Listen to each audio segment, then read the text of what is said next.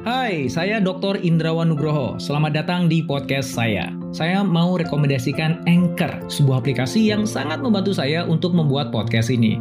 Layanan Anchor itu gratis dan kamu bisa download di App Store atau Play Store atau bisa juga diakses di websitenya www.anchor.fm. Yuk, mangga dicoba.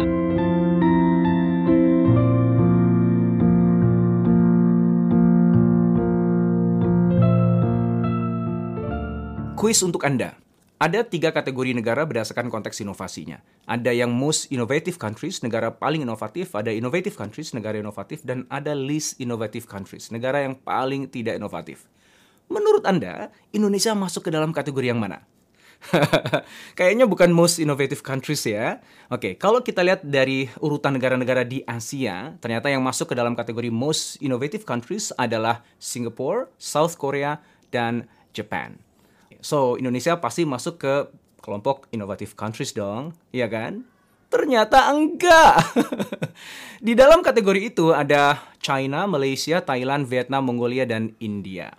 Lah terus Indonesia di mana? Ya di kategori least innovative countries, negara yang paling nggak inovatif. Di urutan ke-12 di atas Sri Lanka. Menyedihkan banget kan ya? Oke, itu kan data 2018. Gimana kalau 2019 dan 2020? Ternyata sama aja posisinya. Kita itu dalam tiga tahun berturut-turut 2018, 19, dan 2020 ada di urutan ke-85 dari negara-negara di dunia dalam konteks inovasinya. Nggak berubah. Oke, kalau di Asia pasti bergeser dong ya. Yang sebelumnya 12 pasti naik kan? Ya, bergeser, betul. Tapi nggak naik, malah turun. Jadi urutan ke-14 dari 17 negara di Southeast Asia. Kenapa ini menyedihkan? Karena ternyata teman-teman semuanya, daya inovasi sebuah negara itu punya hubungan yang positif dengan pengembangan dari negara itu. Negara-negara yang berkembang cenderung memiliki daya inovasi yang lebih tinggi dan juga kebalikannya. Negara yang tidak memiliki daya inovasi yang tinggi cenderung tidak akan atau sulit untuk berkembang. Artinya Indonesia ini miris Kenapa? Karena kemampuan kita untuk nanti bertumbuh jadi negara berkembang tertahan karena daya inovasi yang terbatas. Dan ini celaka untuk masa depan anak cucu kita. Lalu apa dong yang harus kita lakukan dan kenapa ini bisa terjadi? Yuk kita cari tahu.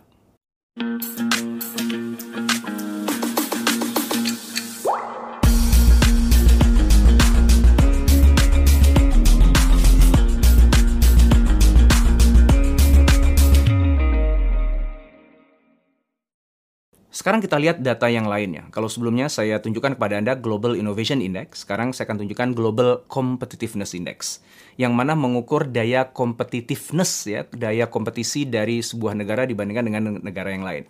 Indonesia ada di urutan ke-45. Ini data tahun 2018. Oke, so 2019 naik atau turun menurut Anda? Ternyata jawabannya adalah turun. Turun jadi 50 ranking ke-50. Jadi kita turun 5 poin. Dan ini juga menyedihkan karena sama seperti Global eh, Innovation Index, ternyata Global Competitiveness Index juga punya korelasi positif dengan income yang diperoleh oleh negara itu.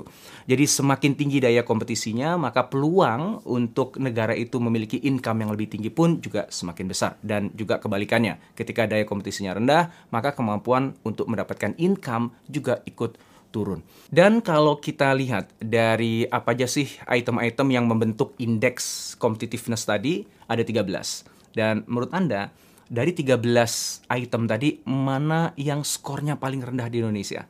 Ternyata, innovation capability. Yap, diikuti dengan ICT adoption. Jadi ini mengkonfirmasi bahwa memang Indonesia dari sisi kemampuan inovasi itu rendah banget. Bahkan lemahnya inovasi di Indonesia ikutan ngebuat Indonesia menjadi tidak kompetitif dibandingkan dengan negara-negara yang lain di dunia. Oke, sekarang kita kembali ke Global Innovation Index di tahun 2018. Kalau kita kaji lebih dalam lagi, ada tujuh hal yang membentuk indeks ini. Tujuh hal itu seperti apa yang ada di layar ini. Dan kalau teman-teman lihat, garis berwarna merah itu adalah top 10. Negara-negara yang masuk ke urutan 1 sampai 10 itu ada di skor yang diwakili oleh garis merah ini. Kemudian yang garis warna kuning itu adalah negara-negara di Southeast Asia, di um, Asia Tenggara, dan juga Asia Timur, dan juga Oceania. Yang warna orange itu adalah lower middle income. Jadi negara-negara yang penghasilannya menengah ke bawah. Indonesia yang warnanya biru. Oke, kalau kita mau bandingkan nih di antara ketujuh item ini, mana yang itu bagus di Indonesia dan mana yang lemah di Indonesia, maka teman-teman akan melihat gambar berikut ini. Indonesia kuat di market sophistication. Artinya, secara market Indonesia itu udah mature, udah ready untuk di manfaatkan untuk diperes marketnya. Ya karena uh, kreditnya bagus kemudian juga infrastruktur untuk penjualannya juga bagus dan lain sebagainya. Jadi kalau kita mau jualan di market namanya Indonesia itu asik banget deh. Hai, sebelum kita lanjut podcastnya, kamu sudah pernah dengar Anchor kan? Anchor adalah all-in-one podcast editing platform yang saya gunakan untuk rekaman, edit suara, tambah lagu, dan semua hal dalam pembuatan podcast yang sedang kamu dengerin ini. Anchor bisa membantu kamu bikin podcast kamu sendiri loh. Caranya gampang, tinggal download dari App Store atau Play Store, atau bisa juga diakses di www.anchor.fm. Download Anchor sekarang ya. Nah, sayangnya skor terendah kita, ini kalau lihat dari skornya ini yang makin kecil skornya makin bagus ya. Maka yang gede angkanya itu rendah. Yang paling rendah apa? Business sophistication ternyata. Artinya apa? Kemampuan dari pelaku-pelaku bisnis yang ada di Indonesia itu kurang sophisticated, kurang canggih, kurang jago dan kurang memiliki kemampuan untuk menggarap pasar yang ada. Nah, ini ada gap secara market udah sophisticated, secara bisnis tidak sophisticated. Artinya apa?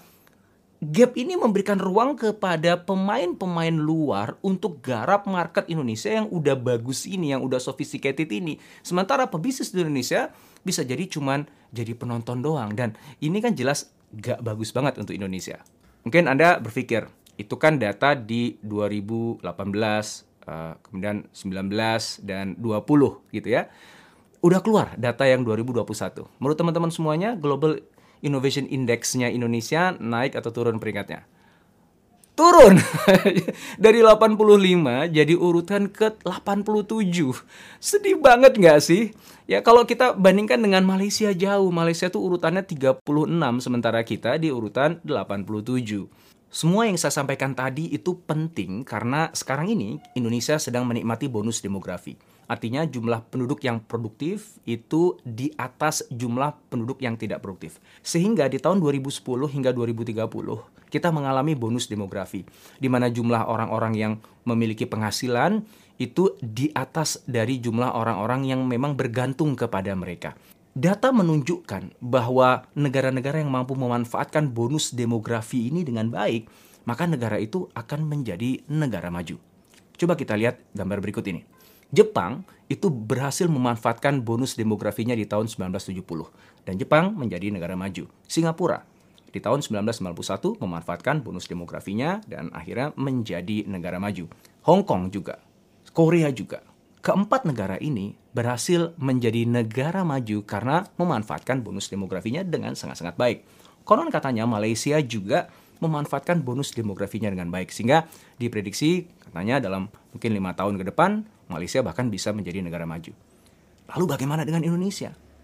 Benarkah Indonesia bisa memanfaatkan bonus demografi ini dengan baik sehingga nanti Indonesia pun juga akan menjadi negara maju? Nah, yang jadi kekhawatiran saya dan mungkin juga sebagian dari teman-teman adalah gimana kita bisa memanfaatkan bonus demografi ini sementara tingkat inovasi dari negeri ini aja rendah banget. Sementara kemampuan kompetisi dari negeri ini tuh rendah banget. Ini kan seperti orang-orang yang ada dalam bonus demografi ini kayak nggak dapat angin, nggak dapat support yang cukup. Kita tidak hidup di negara yang inovatif. Kita tidak hidup di negara yang kompetitif. Lalu gimana orang-orang yang harusnya nih kita jadi harapan, tumpuan harapan kita untuk mengangkat negeri ini naik kelas jadi negara maju ini benar-benar bisa menjalankan peran itu dengan sangat baik. Nah, itu kan yang jadi pikiran dan keresahan kita semuanya. Lalu pertanyaan yang muncul adalah kenapa gitu? Kok Indonesia berada dalam posisi yang sebegitu buruknya? Apakah karena sistem pendidikan kita yang memang tidak memberikan ruang pada kreativitas? Atau mungkin karena budaya kita, kita punya budaya senioritas misalnya yang membuat akhirnya anak-anak muda mungkin nggak berani untuk speak up kepada yang lebih senior dibandingkan mereka.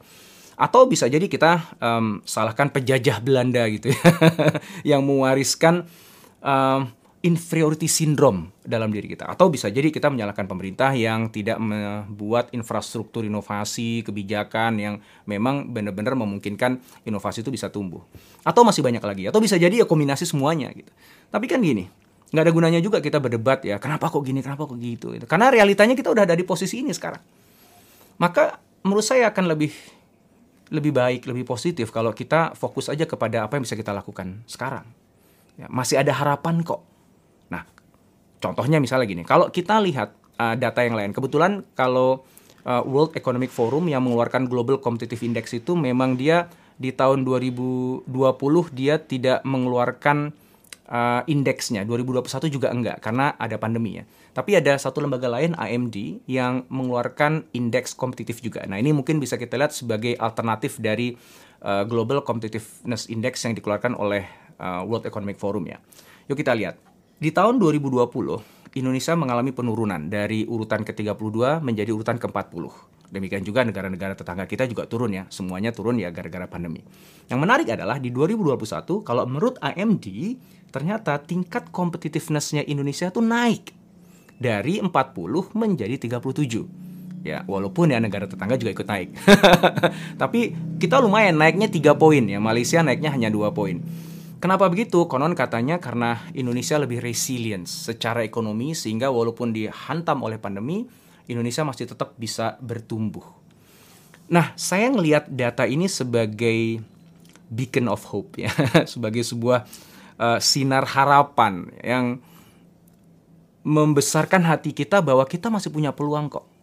Ya betul bahwa kalau lihat dari indeks competitiveness-nya WF uh, World Economic Forum uh, kemudian juga Global Innovation Index-nya yang kita turun. Tapi bukan berarti kita akan terus turun kan? Akan ada masa di mana akan terjadi turnover ya. Akan terjadi uh, sebuah titik lompatan atau inflection point. Dan saya meyakini itu. Hanya memang kapan waktunya kita nggak tahu dan saya rasa tugas kita lah untuk mempercepat, mengakselerasi inflection point itu. Ini adalah pekerjaan besar. Kita nggak bisa menyerahkan begitu saja dengan pemerintah untuk menyelesaikan semuanya. Bahkan kepada perusahaan-perusahaan besar untuk kemudian membangun inovasi di negeri ini. Atau kepada sekolah, kampus, atau bahkan ormas. Setiap orang di negeri ini harus ikut serta. Ikut membangun, membudayakan inovasi di mana pun mereka berada apa pun pekerjaannya, apa pun profesinya, guru, apakah Anda pengusaha, apakah Anda profesional, Anda bekerja di perusahaan besar atau bekerja di organisasi sosial. Yuk, kita sama-sama hidupkan semangat berinovasi. Mungkin kita nggak sempat nantinya merasakan nikmatnya Indonesia ketika Indonesia beneran jadi negara maju dan melompat rankingnya melampaui negara-negara tetangga yang ada di sekitar kita. Tapi nggak apa-apa, karena kita nggak melakukan ini untuk diri kita. Kita melakukan ini untuk anak cucu kita. Biarlah kita jadi pahlawan modern yang memperjuangkan itu. Dan biarlah anak-anak kita yang menikmatinya. Semoga Allah memudahkan jalan kita.